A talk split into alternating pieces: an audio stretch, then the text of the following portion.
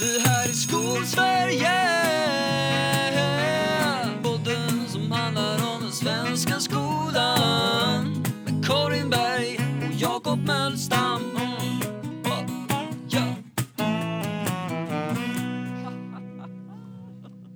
Töntig. Varför kallar du mig töntig?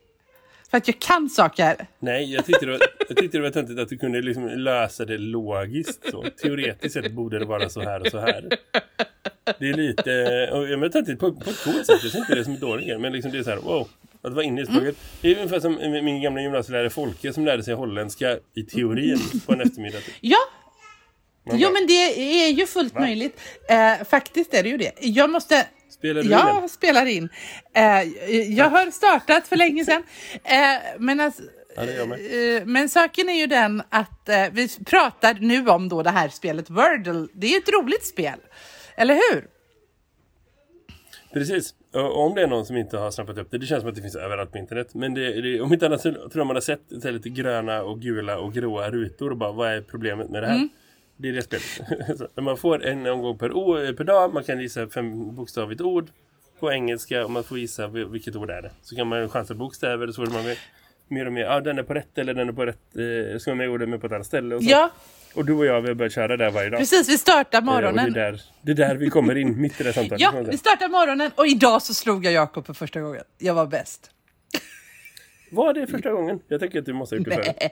Jag är ju jättedålig på engelska, men jag är en bra svensklärare. Det... Så jag löste det. Så du gissar dig fram genom att veta vilka morfem som passar upp med Eller vilka, bokstäver som kan vara ihop och vilka, hur det kan... Ja, precis så. Och det var det jag tyckte var lite töntigt och då blev du arg. Ja, eller hur? Men det var också ett jävla ord idag. Ja, men jag, jag tänker att töntigt är, okej, töntigt är fel ord. Nördigt, om vi säger så. Nördigt. Det, det känns mer rättvist i så fall. Absolut nördigt. Eh, Jag är en nörd, men jag är ganska snäll. Skulle nördar inte vara snälla? Jag tänker tvärtom. Att nördar är snällare än andra. människor. Ja, det var bara, det var bara ett utfyllnad. Eh, men jag, jag kan rekommendera att man spelar Wordle. Eh, det var bara en konstaterande. Att, eh, precis. Jag kan varmt rekommendera det. Om, om man ändå så här, möter det första gången så borde vi göra introduktionen rättvis. Och förklara att så här, det här är ett mobilspel som inte är utvecklat för att bli viralt. Det finns ingen reklam, det är ingen konton, det är ingen data som samlas in någonstans. Och man kan köra en omgång om dagen. För det är allt som finns. Och det är så skönt. Och det är på det sättet för att det är skapat av en man som vill ge det till sin fru. Tror jag det var. Ska vi inte köna folk. Men en person som vill ge det till sin partner i alla fall. Eh, som en present typ. Så det var bara så här, de två emellan. Så här, gissa det här ordet idag. Gissa det här ordet idag. Och så blir det större och större. Så det är så här, man spelar det någon gång. Jag gör det på bussen. Sista bussen på väg till jobbet. Och sen så skickar jag det till dig och till vår gemensamma vän Karl. Och så eh, svarar ni era resultat. Och så har vi liksom checkat in för idag. Och så är det bra. Eller hur? Det är superhärligt. Väldigt eh, avkopplande men ändå liksom det finns ingen chans att man helt plötsligt har lagt 250 spänn på att så här, köpa sig upp till level 1200 i ett spel som handlar om blinkande ljus och färger och ljud. Och framförallt så har man inte lagt en väldig massa tid på... Eh, nej men det är framförallt att du kan inte komma upp... Du kan liksom inte fastna i det. Det tar den stunden. Nej, men det, är- det är ju Ja. det jag säger. Det finns inga levels, det finns inga liksom, nivåer, det finns ingenting egentligen Det enda är att man kan, man kan, om man känner Jakob och man gör detta, då kan man slå honom och så blir man lite nöjd med dagen. Det är det enda. Det gjorde jag Ja, idag! jag det gjorde jag idag! Det gjorde jag idag! Ja. Annars då, Jakob? Annars då, det är fredag den 28 januari. Eh, den här veckan präglas av att jag har tre lärarstudenter som är på jobbet. Och undervisar olika mycket så. I mitt arbetslag med mig och med andra så. Så det har varit väldigt så här schyssta lektioner för man är alltid fler vuxna och det har varit mycket så här kul utveckling för deras skull och man liksom vet. Jag, jag trivs med att vara så här VFU-handledare eller VFU-lärare heter det så. Och liksom undervisande lärare samtidigt. För jag, ser, jag känner att det ger jätte- jättemånga fördelar. Och det är liksom superutvecklande att ha någon som kritiskt ställer lite frågor. Så hallå, varför gör ni så här? Och, så. och sen jobbar jag på en ganska speciell skola. Jag brukar inte prata så mycket om skolan jag jobbar på i podden. För att det har varit nog med uppmärksamhet runt det. Alltså det har varit en skola som är ja, en lång historia som man kan googla sig fram till man känner för. Men i alla fall en sån här skola utan eh, som inte ser ut som när de gick när man själv gick i skolan. Och många av de här studenterna som kommer ut med första termins studenter, de har liksom inte varit i en skola sedan de själv gick här. Så de har kommit in och då varit lite chockade först och sen varit det i två veckor och nu börjar de vänja sig och de hittar överallt och de, de liksom är vana vid att se för nyc använda nyckel, blippa in sig och liksom att elever går hit och dit och att vi delar på de eleverna vi har och de har ju ingen annan erfarenhet av skolan sen de själv gick i skolan så för dem har det ganska snabbt blivit naturligt. Mm. Och så hade de ett praxisseminarium idag på förmiddagen när de gick och träffade sina kursare, eller liksom digitalt. Hade de möte med sina kursare och så liksom stämde de av sig, hur går det, hur går det för er då? Och så kom de tillbaka och det var så roligt för de var så här, den här skolan är inte som andra. Mamma, nej, nej, precis, exakt. Fint, vi, vi, börjar närma oss, liksom, vi börjar så här, cirkla, liksom, snart har vi landat här någonstans. Ja, Nej, nej, det är men det är roligt. Det är roligt. Jag jobbar... Ja. Det är liksom en snabb version av det som alla elever som börjar här går igenom också. Det är. Det är roligt. Alltså det är väl lite det. Jag eh, känner mig ganska trött. Jag, jag har många kollegor borta och man får täcka för folk och liksom det är inte riktigt där följa vanliga schemat och liksom planera för vikarier och sånt. Det är ju nice på ett sätt. Att bara kunna ha en vikarie att kunna lämna över till. Det är kul att få ha någon som man jobbar med. Det kan man inte ta för givet i dessa tider. Men, men eh, det är ändå lite om så. Det är alltid lite dubbelt. Ja, det, men det är det ju. Och, precis. Vi, jag hade... Hur har din vecka varit? Ja, min vecka är ju lite som det är. Eh, jag tycker liksom att det, det, det är snart lov igen den här vårterminen. Det är liksom... Ja, eh, två veckor till ja, sportlov. och vi har ju då, eftersom jag jobbar i... Vi har någonting som jag tycker är väldigt bra faktiskt. Eh, jag jobbar ju på gymnasiet och eh, vi försöker faktiskt att i det här konstiga kurssystemet som gymnasieskolan har så försöker vi att ehm, eh, liksom jobba formativt så mycket det går. Att det inte blir du vet, fem uppgifter som man ska klara och så får man ett antal poäng och så är man examinerad och en stämpel. Utan att liksom, det ska finnas en progression i kursen och att varje liksom, examination också är ett lärtillfälle som gör att man klarar nästa examination bättre. Och vi har jobbat ganska hårt med det, framförallt i ämnet svenska då, där jag jobbar, eh, för att det ska funka. Och då betyder ju det lite att vi kan ju inte ge dem sådär ett betyg eller en, liksom så här, det här uppgiften låg på en C-nivå. Eh, och det ska man ju inte heller göra enligt Skolverkets allmänna råd. Och vi gör inte det. Det är ett kollektivt beslut, utan vi säger liksom att det här är en bra uppgift i förhållande till vad vi, alltså man ger ett exempeluppgift och i förhållande till den så är den, motsvarar det den kravet som jag ställer på den här uppgiften. Alltså vi pratar kvalitet istället för kunskapskrav, om man säger, alltså uppgiftens kvalitet. Eh, men då är det ju så att det är långt tills de får ett kvitto på en summering på hur det har gått. Så att just nu så har vi då det som heter betygsprognossamtal. Så vi pratar med varje elev och så får de sin prognos. Så här, om jag skulle... I varje I varje ämne, liksom. ämne. Så att för tillfället så sitter eleverna i klassrummen med såna här nöduppgifter eller läser en bok eller du vet. Och, så pra- och sen i korridorerna, för vi har ju så fruktansvärt dåligt med grupprum. Så vi sitter i korridorerna och pratar sådär lite tyst att ingen annan ska höra med eleverna en och en. Så det har jag gjort hela veckan. Jag tror jag har haft, apropå att man inte man ska undvika mycket möten och så, jag tror jag har haft 200 samtal med elever i, eh, och pratat eh, och då man blir lite trött i huvudet sådär. Eh, det var så underbart igår när en elev sa att jag sa så här att om jag skulle sätta ett betyg på dig idag så skulle jag sätta betyget C. Så jag. Vad skönt! Vet du vad Karin? Jag är jättenöjd med det och du behöver inte säga vad jag ska göra för att bli bättre eller så, utan jag är supernöjd, tack och hej. Och så, och så gick hon.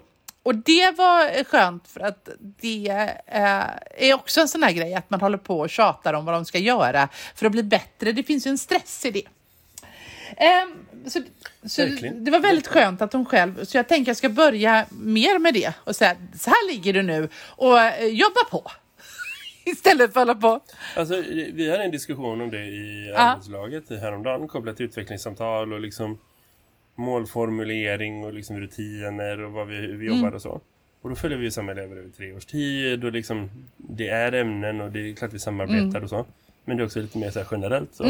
Och då pratar vi om att så här traditionellt mellanstadiet och högstadiet, jag tänker kanske att det är så på gymnasiet också, så blir varje samtal en, en diskussion om så här, okay, vilka mål ska vi upprätta till nästa Ja. gång och vad ska vi göra till nästa gång och vad ska vi göra till nästa gång och så. Och, och då kom vi fram till att kanske är det mer värt att så här, på höstsamtalet och ha det. Att man formulerar ett mål. Och att det är i början på höstterminen. Och att det är liksom det som är kärnan i, i det samtalet. Och att man tar ett utvecklingssamtal i inte för tidigt men inte för sent på våren som är liksom okej okay, men hur går det med dem hittills vad behöver vi göra för att fixa de här grejerna nu sista terminen mm. liksom så. Och att man liksom avslutar de målen till sommaren mm. och att man börjar på nya mål till hösten. Mm. Så att man jobbar med en hel process vet, istället för bara, bara hela tiden starta upp nya saker. Att liksom göra det till en helt cyklisk process. Vet, starta, genomföra vet, tre fjärdedels checka eller vad det kommer att vara, två tredjedels checka vårterminen. och sen att man på riktigt här avslutar den. Liksom. Inte att vi tar till utvecklingssamtal i juni för att bara avsluta målet. Men liksom ändå att man säger okej, okay, har vi gått i mål med det här eller inte? Bra. Vi dokumenterar det och sen kan man nästa eh, på höstterminen bara säga okej, okay, men vad behöver du just nu? Och då kan man kolla på de målen man har eller inte. Men liksom, man kan gå tillbaka naturligtvis, inte förbjudet. men liksom, istället för att hela tiden bara kasta, kasta, kasta framåt liksom.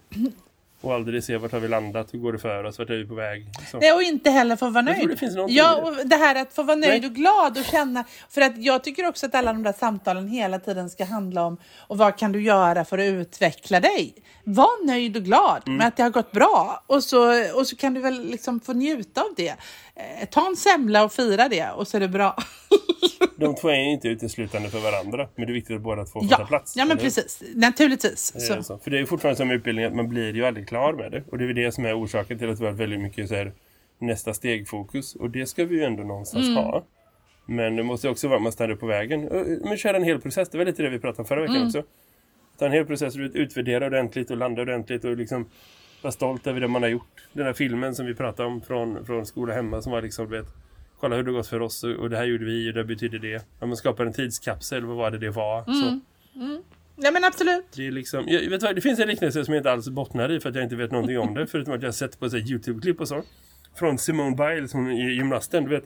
Men vet, de hoppar och flippar och flummar och snurrar runt. Alltså hon som har vunnit ja, OS-guld och sånt i... Eh, ja, precis. Hon som har hittat på tre egna gymnasthopp. Ja. Vilket är så här, jag kan ändå respektera det utan att veta någonting om gymnastiken. Har du tre olika Karin Berghopp, ja, då är du antagligen bra på att hoppa. Typ. Mm.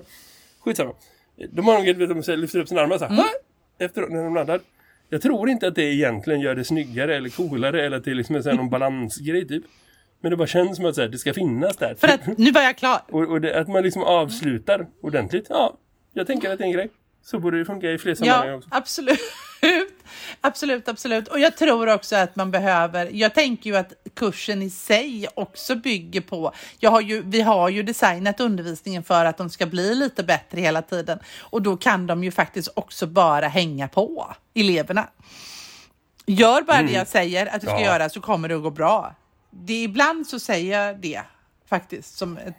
Alltså det är så roligt med att jobba med elever som är i den tidigare delen av liksom hela utbildningskedjan. För de blir sådär... Vet, ibland kan ju elever bli oroliga och panikslagna för att de kommer, det kommer vara svårt när de går i högstadiet eller i gymnasiet eller på universitetet mm. eller så. För när man står där man står mm. då och ser vart man ska sen så är det så här, pff, det där kommer jag aldrig ta. Mm. Och det är så här, nej, hade du gjort det nu så är det orimligt. Men om du tänker att liksom allting går bitvis framåt så är det ju inte alls säkert att det är liksom det största klivet du kommer behöva ta på vägen. Det kan mycket väl vara så att, att vänja dig med att vara i ett sammanhang med 27 personer, det kanske var det största klivet. eller hur, eller hur. Men det är ju det här när man tittar framåt, lite för långt fram. Då blir det lite sådär svindlande. Mm. Ja, men bara hela tiden utvecklas. Det kan man fundera på också när man kommer till sig själv. Alltså med, med liksom som lärare, när man utvecklas, när man går på konferenser och kurser och utbildningar och grejer. Mm. Det är ju aldrig någon utbildning som egentligen startar i eller landar i så här. Det, finns två, två scenarier som aldrig händer. Det ena är liksom att man börjar med så här, shit vad är ni bra på? Alltså vad, ni, vad kan ni på riktigt? Vad är ni riktigt, riktigt bra på?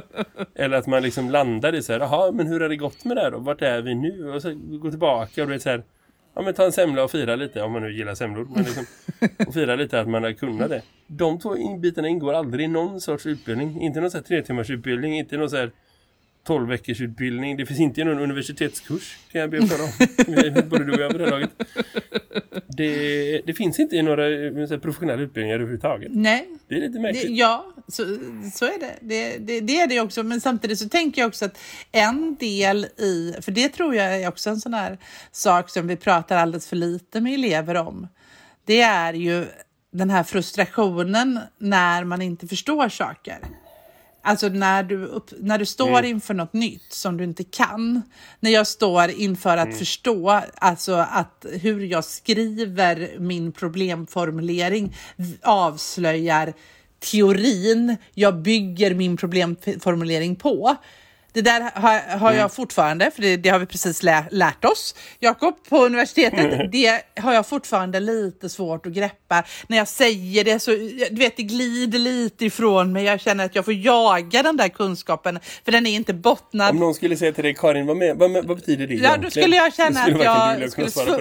Nej, då skulle det... det jag, jag kan det liksom ytligt, men inte utvecklat och nyanserat. Så skulle man kunna säga. Nej. Eh, det är okej. Ja, bra. Bra. E-nivå. Går bra, men, men det, det glider lite ifrån mig. Och det är det vi ska öva på här nu under våren och eh, skriva en uppsats i om detta. Men, och lite så, den frustrationen jag känner över att jag inte greppar det här riktigt.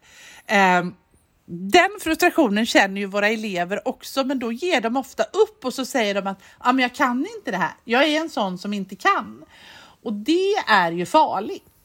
För det är ju inte så det ska vara. Utan just den här frustrationen, att få, känna frustrationen, är ju eh, en del i lärandet. Det är så man utvecklas och det är så man lär sig. Ja, ja, det finns någonting i det naturligtvis. Och det är viktigt att man får känna sig frustrerad och så. Det är också viktigt, tänker jag, att man som utbildare ändå landar i att säga, man har ett ansvar för Ja, Eh, Och det tror jag vi tänker när vi jobbar med lärare och, elever, eh, när vi är lärare och jobbar med elever. Men när man tänker på professionell utbildning och vuxna som utbildar vuxna och så. Så är det ju inte alls självklart att liksom varje människa du möter som utbildar dig tar ansvar för att de skapar en frustration som de får betalt för att leda dig igenom. Och att det ingår i det kontraktet som finns som utbildare att ta dig fram till. nej. Det vet ju både du och jag att de lättaste pengarna som finns att tjäna i, i liksom så här skolvärlden det är ju liksom att åka ut och föreläsa om en sak. Ja. Man kan ta bra betalt för att åka ut och bara berätta en grej och sen åka därifrån. Och skapa lite Och frustration på och liksom vägen. värdet man skapar där, nej det behöver vi verkligen inte göra. Men värdet man skapar Ja. där, ungefär så stort värde som det är i ett klassrum att komma in helt random person och bara berätta en sak och sen försvinna Mm. därifrån. Ja, det är antagligen inte så många fler som når så många fler mål alltså på den vägen.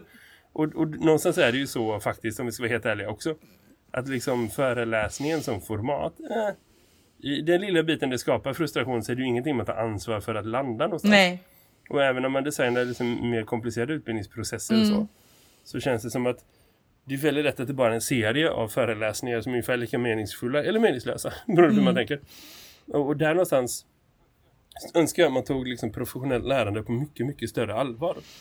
Ja, men absolut. Det, det, det är verkligen en grej som jag gått och tänkt på länge. Att jag önskar att man tog att personer som jobbar med professionellt lärande, om det är liksom människor som utbildar lärare, folk som jobbar med liksom konferenser för företag, vad det än är. Alla människor som jobbar med att liksom lära vuxna människor saker.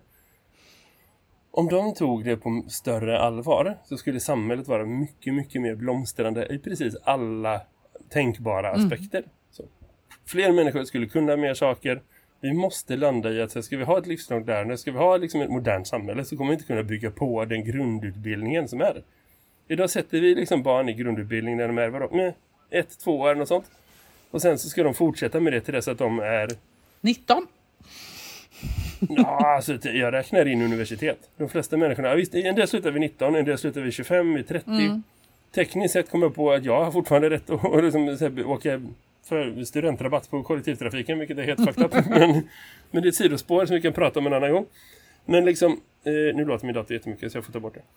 Men i alla fall, poängen är att... Eh, vad är det jag landa i? Jo, så här, poängen är att det känns som att så här, när man utbildar vuxna så är inte det särskilt seriöst. Och det förvånar mig. För att det, det är bara för att vi av kultur inte ställer högre krav på det. Skulle man eh, gå till den samma människor som sitter på de skitutbildningarna och då fråga, hej vilka är det föräldrar? Ja men räcker upp handen. Skulle ni vara okej med att era barns lärare var så här sugiga som era lärare just nu är? Nej, skulle man fan inte vara. Men, men liksom, det är bara för att man inte är van med det. Och vet du vad, jag har en spaning på det. Du får se om det är sant eller falskt. Men, men liksom de här senaste åren av pandemiutbildningar och du vet, så här Zoom-utbildningar och alla människor som bara sitter hemma och berättar saker eller så istället för att ens åka till en scen och gå upp och se de här 100 eller 200 eller 500 personer i ansiktet så och berätta saker har gjort dem ännu latare. Alltså kvaliteten på liksom de digitala utbildningarna eh, det är inte bara liksom att, att själva formatet och liksom teknikstrul och sådana grejer. Engagemanget och förberedelsetiden och liksom hela processen för de som utbildar känns som att den har kortats ner på ett sätt som skapar någon sorts whiplash som gör att man liksom ja men för fem minuter sen så låg jag och sov. Eller då kokade jag kaffe? Eller då satt jag på toa. Eller då liksom kollade jag på tv eller så. Vilket gör någonstans att det är så här nej, det känns inte som att de här människorna riktigt är mentalt på plats och gör sitt jobb och liksom landar i det de ska göra. På ett sätt som, som, som jag, jag verkligen längtar tills vi kan sluta ha sådana utbildningar jag förstår att det finns en, en, en uppsida att man, de som är liksom eftertraktade kan göra många fler jobb och liksom, det är mycket lättare att boka liksom, större namn. Jag har varit med om det också. Jag har bokat liksom, internationella gäster till saker som jag inte jag har haft budget för att liksom, flyga in annars. Så jag förstår det mycket väl. Men jag undrar om det fortfarande är så att vi förlorar någonting. För det är så jävla lätt att bara droppa in 30 minuter eller 60 minuter eller 90 minuter som droppar vidare. Att liksom kvaliteten på de här enkla lösa komma hit och berätta jobb. Ja, nej men Jag jag, jag, inte, jag, är bara min tror också att, att det är lite sådär att ska, det, det tycker jag någonstans att vi lärde oss under pandemin. Eh, att, eller jag lärde mig det under pandemin, eller jag har lärt mig under pandemin. Det är en av mina viktigaste lärdomar. Det är ju att, att hålla en föreläsning för mina elever. Du vet, ta en timma och bränna av. Alltså i religion kan jag hålla, liksom, om vi har 90 minuter, så kan jag leda ett samtal i religion i ett klassrum. Är du med? Vi, alltså, att jag pra- alltså den typen av ja. katederundervisning, 90 minuter, eh, genomgång, vi pratar, var ligger var ligger Mecka i förhållande till Jerusalem? Ah, du vet, du, du fattar hela den. Alltså det går att prata 90 minuter. Eh, ja, Kan du prata 90 minuter om vart Me- Mecka ligger i nej, förhållande det kan till jag inte. Jerusalem? Men Jag skulle vilja testa det någon gång. Bara för inte för att jag tror att det är falskt utan bara det för var att jag är intresserad av fruktansvärt kunskapen. dåligt För exempel. jag kan ingenting Nej, om det det var- överhuvudtaget. Kan vi inte göra ett specialavsnitt någon Nej. gång, oavsett om det är 10 minuter eller 17 minuter där du bara berättar och lär mig det. För jag vill gärna lära mig det här en gång. Ja, det var ett jättedåligt exempel och det är roligt att du hackar på mig. Det jag menar, det har jag gjort idag. Vi har tittat på kartor. Nej, jag menar inte det som hack. Jag menar att jag genuint vill lära mig. det men ligger här, lite söderut. Eh, alltså. ja, alltså, eh, Det är, som är intressant är att vi har tre stora religioner, tre världsreligioner som är Mm. skapade. Det ligger, Jerusalem och Mecka ligger väldigt, väldigt nära varandra på en världskarta. Eh, det är liksom, det är typ Ja. vadå, två centimeter ifrån varandra på en världskarta, om den är stor. Eh, du vet en sån här som man har, Mm. som, om man drar ner en sån som man har i klassrum som vi har för att jag så här gammal, eh, gammaldags. Den häng, har hängt där sedan du vet, 82 kanske. Eh, Den där kartan.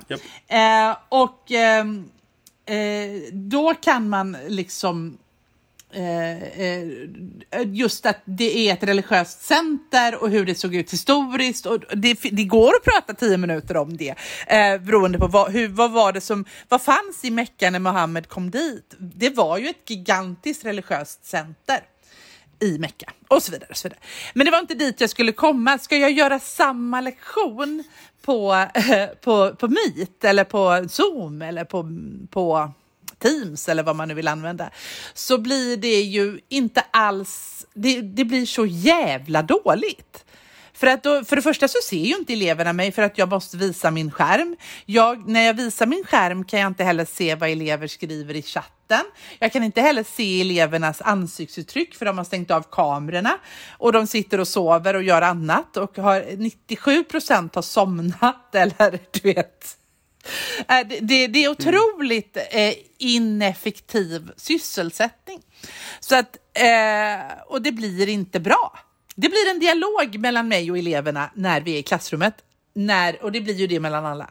Men digitalt så kräver det någonting annat. Det kräver att vi hittar på att elev, mycket mer elevaktivt arbete. Och då när man då sitter i undervisning när man då, två timmars föreläsning om att du inte ska använda droger. Eh, att elever, det är dåligt för eleverna. Det är inte säkert att vi lyssnar på de två timmarna. Det är inte samma sak att dra den eh, digitalt som det är att dra den i en föreläsningssal. Nej, Även om det är i en föreläsningssal i en aula kan du komma undan och somna också. Men du lyssnar i alla fall lite mer än vad du gör hemma. Men i sådana där under, eh, utbildningar har jag ju också sett att det finns liksom det här. Jag, jag har sett det flera gånger exempel på. Det blir ju bättre om man är två där den ena stöttar den andra kollegialt. Alltså, 100 procent att det är på det sättet. Det lärde jag mig första gången 2013. När jag gjorde, det var första gången jag eh, eh gjorde precis en sån undervisning. Fattar jävla tidigt det var. Mm. Det var på bokmässan. Nej, det var när, eh, skolmässan som fanns innan skolmässan var på bokmässan. Mm. Eh, Mötesplats skola hette den på höstlovet, kommer du ihåg det? Eh, på Svenska mässan Mm. så. Eh, så var det Edvard Jensinger som skulle föreläsa. Eh, men så fastnade han för det var något tåg som var paj som var, var fast i Helsingborg någonstans. Eh, så då hade han en föreläsning på länk. typ innan internet fanns. Som det var ändå 2013. Eh, och då var det precis den grejen. Att jag var i rummet och liksom faciliterade för att jag var typ ändå där. Eh, och så det tog han om frågor och liksom kolla chatten fast fysiskt närvarande då. Precis den grejen. Så 100% av det, så det går inte att föreläsa på distans om man inte liksom har någon som håller koll på åhörarna på ett eller annat sätt. Det, det är ju liksom steg ett. Ja men eller hur, man måste vara två och det är vi ju inte på, alltså i, i klassrummet och då får man hitta på andra sätt. Men är du två så går det lite bra. Men då bygger det ju på att den andra är alert och lyssnar och är, är med, hjälper till, eh, stöttar upp och liksom bekräftar den som sitter. För man känner sig ju, om jag skulle föreläsa för dig och du skulle vara min, eh, så, eh, så ser ju inte jag när, om jag delar min skärm så ser jag ju min skärm. Jag ser ju inte samtalet Ja. som pågår och jag ser, det är väldigt mycket saker som, som går mig förbi. Det är ju lite som att, att eh, eh, föreläsa med förbundna ögon på väldigt många sätt. Det är ungefär samma sak. Och det är lite läskigt eh, kan jag ju tycka. Och då vill man ju bli bekräftad och då är det väldigt skönt att ha en kollega. Eh, och det finns ju de som gör det bra. Eh, men jag har varit med flera gånger den senaste tiden där man liksom, där jag först på något sätt har retat mig på den här som föreläser att ah, det blir så långrandig och det blir så dåligt och det blir så himla störigt. Eh, liksom, varför blir det så här? Tills jag har liksom slutat egentligen att lyssna utan bara studerat samspelet mellan de som ska stötta och den som ska eh, och den som pratar och vad är det som retar mig? Och då är det ju väldigt ofta att när jag blir irriterad så är det för att den personen som pratar har så jäkla dålig support från de som ska supporta. Då sitter de och dricker kaffe och pratar om vad de ska göra i helgen. Dessutom är kameran på. Fast de, har ju inte naturligtvis mikrofonen på så de hör inte. Men de hör ju inte heller den som pratar, som ställer frågor. Eller skulle du kunna visa mig? Hjälper du till? Eh, och det blir så otro- man gör sin kollega så otroligt dålig då. Eh, så att det är inte snällt, tycker inte jag. Nej men verkligen. Och, och det, och man gör sin kollega dåligt. Men det är också så att du gör liksom era gemensamma åhörare Ja. dåligt. Eller? Det hänger lite med det jag pratade om förut. Om att liksom man blir lat. Man gör ett Ja. dåligt jobb.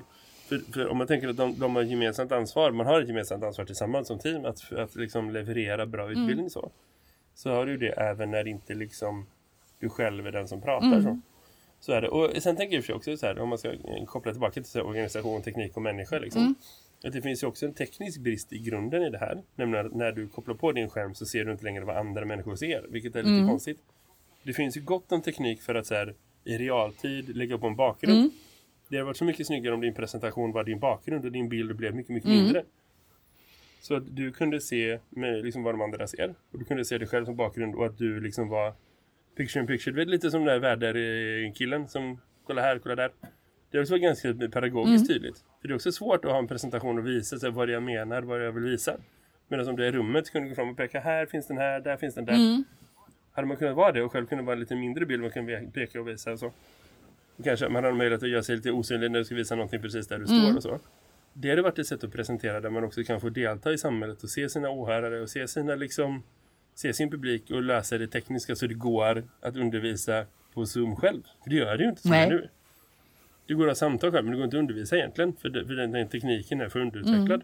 Och då löser vi det genom en, en mänsklig organisation som också borde funka. Men, men som kräver att människor förstår sina roller och sina ansvar. Det jag tänker, om vi nu ändå ska tänka att det kan- kanske finns en chans att man någon gång igen hamnar där man måste undervisa på distans på det sättet. Jag tror, det är bara en fundering, du får se om, om du tror att det funkar. Jag tror att jag hade gått in och tagit någon av dem som jag vet är mest benägna att checka ut först. Varierat så inte alltid var samma person. Och varit så här, du, nu befordrar jag dig till någon sorts lärarassistent. Ditt jobb.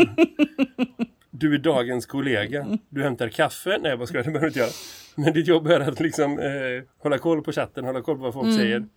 Och avbryta mig så fort någon annan har en fråga. För det kan inte jag göra. Mm. Och du vet, dels aktiverar dem.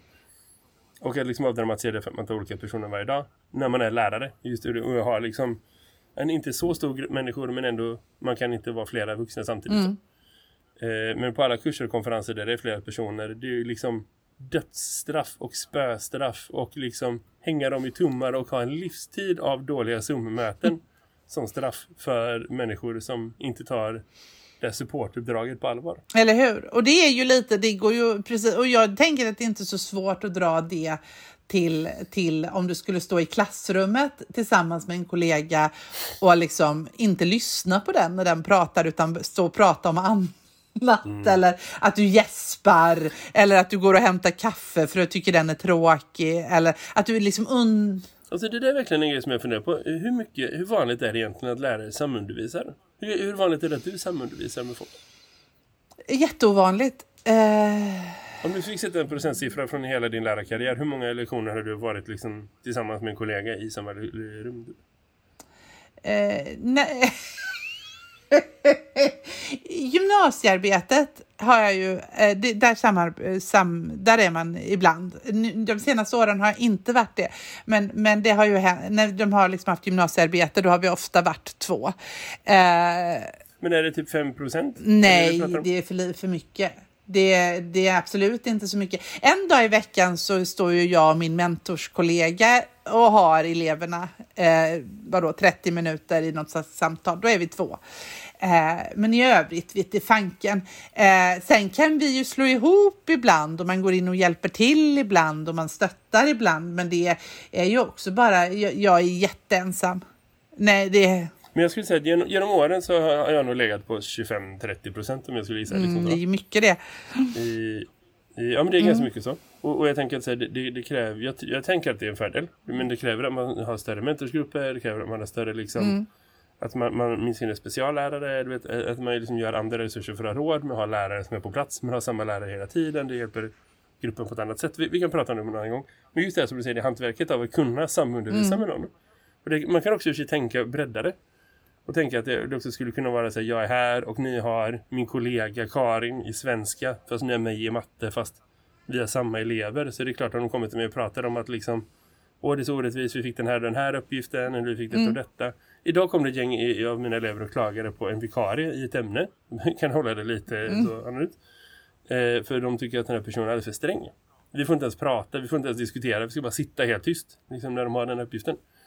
Och jag tänkte på den gången när jag gått in i rummet, för de sitter väldigt, väldigt, väldigt tyst för att vara karaktäristiskt för det ämnet. Man blir så här, hm, okej, jag ska bara hämta en grej. Skumt, förlåt om jag stör. Ha det gött idag. eh, så, men, men skitsamma. Eh, liksom att möta sådana samtal, det kan man också tänka någon sorts samundervisning, att man delar elever. Att man gör det och inte kan ha förmågan att liksom lyfta och stärka sina kollegor. Det behöver inte alltid vara att man håller varandra om ryggen eller att man alltid backar varandra. Liksom, Nej, för man eh, måste ju också... att elever inte känner att de kan komma och prata, men att man ändå liksom har vissa grundregler och grundkoder om hur man är med varandra och Mm. om varandra. Liksom, är det med? Det tror jag är jätte, jätteviktigt för... Jag, jag, jag kan inte tänka mig att det skulle vara okej att vara dålig på det som lärare. Och, eh, utan att man själv också såg som en dålig lärare. Nej men precis, men tänk om någon skulle komma till mig eller till dig och säga, om vi hade samma elever så kommer någon, eleverna till dig och säger Karin har varit så dum. Då är det ju ditt jobb på något sätt, eller till, att de kommer till mig och säger Jakob har varit dum. Då är det ju mitt jobb att säga okej, jag hör vad ni säger, vad beror det på? Ja, eller mm, men, jag, alltså för, få dem att liksom förstå att du, jag måste ju stå bakom dig för du är min kollega och ändå säga att ja men Jakob, jag litar på Jakob, eh, liksom någonstans. Och, och samtidigt som, det där är ju en konst, för samtidigt så måste man ju bekräfta eleverna i sin upplevelse. Eh, jag, Jag hade nog hellre prioriterat i första hand att liksom bekräfta Mm. eleven. Men jag hade varit så här, jag hör vad ni säger, jag förstår att det där är jobbigt, jag förstår att det är Mm. dåligt. Ni vet alla lärare har bra och dåliga dagar. Man kan vara på det här sättet. Har ni provat att prata om det? Har ni provat att fråga om det? Vill ni att jag hjälper till Mm. och frågar och så? Men liksom, eh, jag kan tänka mig att det finns en förklaring som ni kanske inte ser. Precis så, vet, sådana precis så grejer. menar jag. Att man kan liksom sälja in så, men att man ändå inte liksom tar deras verklighet ifrån dem. För det är jätteviktigt att man kan vända sig till någon. Ja, Och, och där får man också någonstans tänka att så här, hade en, en egen kollega liksom kommit till en och här, ja men fan Karin vi måste prata, några elever kommer till mig och säger Ja. det här och det här. det vill man ju. Hur är det, är det okej, behöver du hjälp med något? Vet, det kan vara svårt, men man behöver kunna ta sådana samtal också. Så, så det, finns, det, det tycker jag hade varit eh, självklart. Och jag tror att hade man inte varit bra på det, att liksom eh, samarbeta på det sättet. eh, Allt från den nivån till att liksom när jag är i rummet och min kollega har en genomgång eller liksom pratar om en grej och jag ska prata om en grej sen eller liksom jag ska hjälpa något till sen när jag börjar jobba så. Hade jag inte varit 100% på, 100% stöttande så hade jag inte varit en bra lärare. Eh, Så jag, jag tror verkligen att det är synonymt. Och igen, jag tror inte att man tänker så om fortbildare eller liksom om, om vuxenlärare. Men det borde man kanske göra. Jag kom på en jättebra historia eh, som är 100% sann och som har ganska högt skvallervärde så jag får anonymisera lite grann. Men eh, typ 10 år sedan, 8, 9, 10 år sedan och sånt. En av Sveriges mest anlitade föreläsare inom utbildningsvärld. Om du skulle skriva en lista på så här, fem personer som alltid finns med och som alla människor har hört. En av dem eh, var i mitt klassrum eh, för att eh, kolla på en grej och göra en grej så. Eh, när vi undervisade. Eh, när personen var bara där och kollade på för att vi skulle göra en grej sen och liksom ville hänga i klassrummet och se hur det var och så. Absolut, kom och häng. Presentera för eleverna, de är nyfikna, intresserade. Så. Jag börjar undervisa och mitt i min genomgång så ringer en mobiltelefon. Då är den här personen som får ett samtal. Ett jobbsamtal. Tar upp sin telefon och svarar. Hallå? Ja, bla bla bla. Ah, ja. ja, Bla bla bla bla. Mitt under min genomgång. eh, inte en enda av mina elever under de åren jag hade dem efteråt kom ihåg den personen som något annat än den som grovt förolämpade mig under en lektion. Genom att ta ett samt få ett samtal, ta ett samtal och inte gå ut. Det är det enda min, liksom, påverkan den personen, den enda Sveriges kända föreläsande lärare, har gjort på de eleverna jag drar. Jag har inte hand om det samma nu. Det, det spelar ingen roll vad den personen gör. Den personen gör jättemånga fina grejer för oss sen. Nej, det spelar ingen roll. Det är fortfarande, ah, är det, ah, det är hen med mobilen. Mm, just det. Det, det är det enda minnet den personen någonsin har gjort efteråt. Jag har inte tagit upp den historien för det har varit grymt förolämpande att göra det direkt till den personen. Men apropå att hur man är en pissdålig kollega när man sitter och lyssnar eller liksom är nummer två i ett sammanhang och hur det automatiskt innebär att du blir ganska hårt dömd. Det är ändå rättvist. någonstans. Eller hur? Och vad viktigt det är också då även digitalt nu när vi måste hjälpas åt. Ja. Eh, eller Ja, hur? verkligen. Men du Jakob, nu är det fredag. Nu tänker jag gå och dricka vin. Vad du ska göra, det skiter jag i. Det låter bra, Karin. Eh, Det låter jävlar mig bra. eller hur? Gött, vi hörs igen nästa vecka. Ha det bra. gött, hej. Hej då! Det här är Skolsverige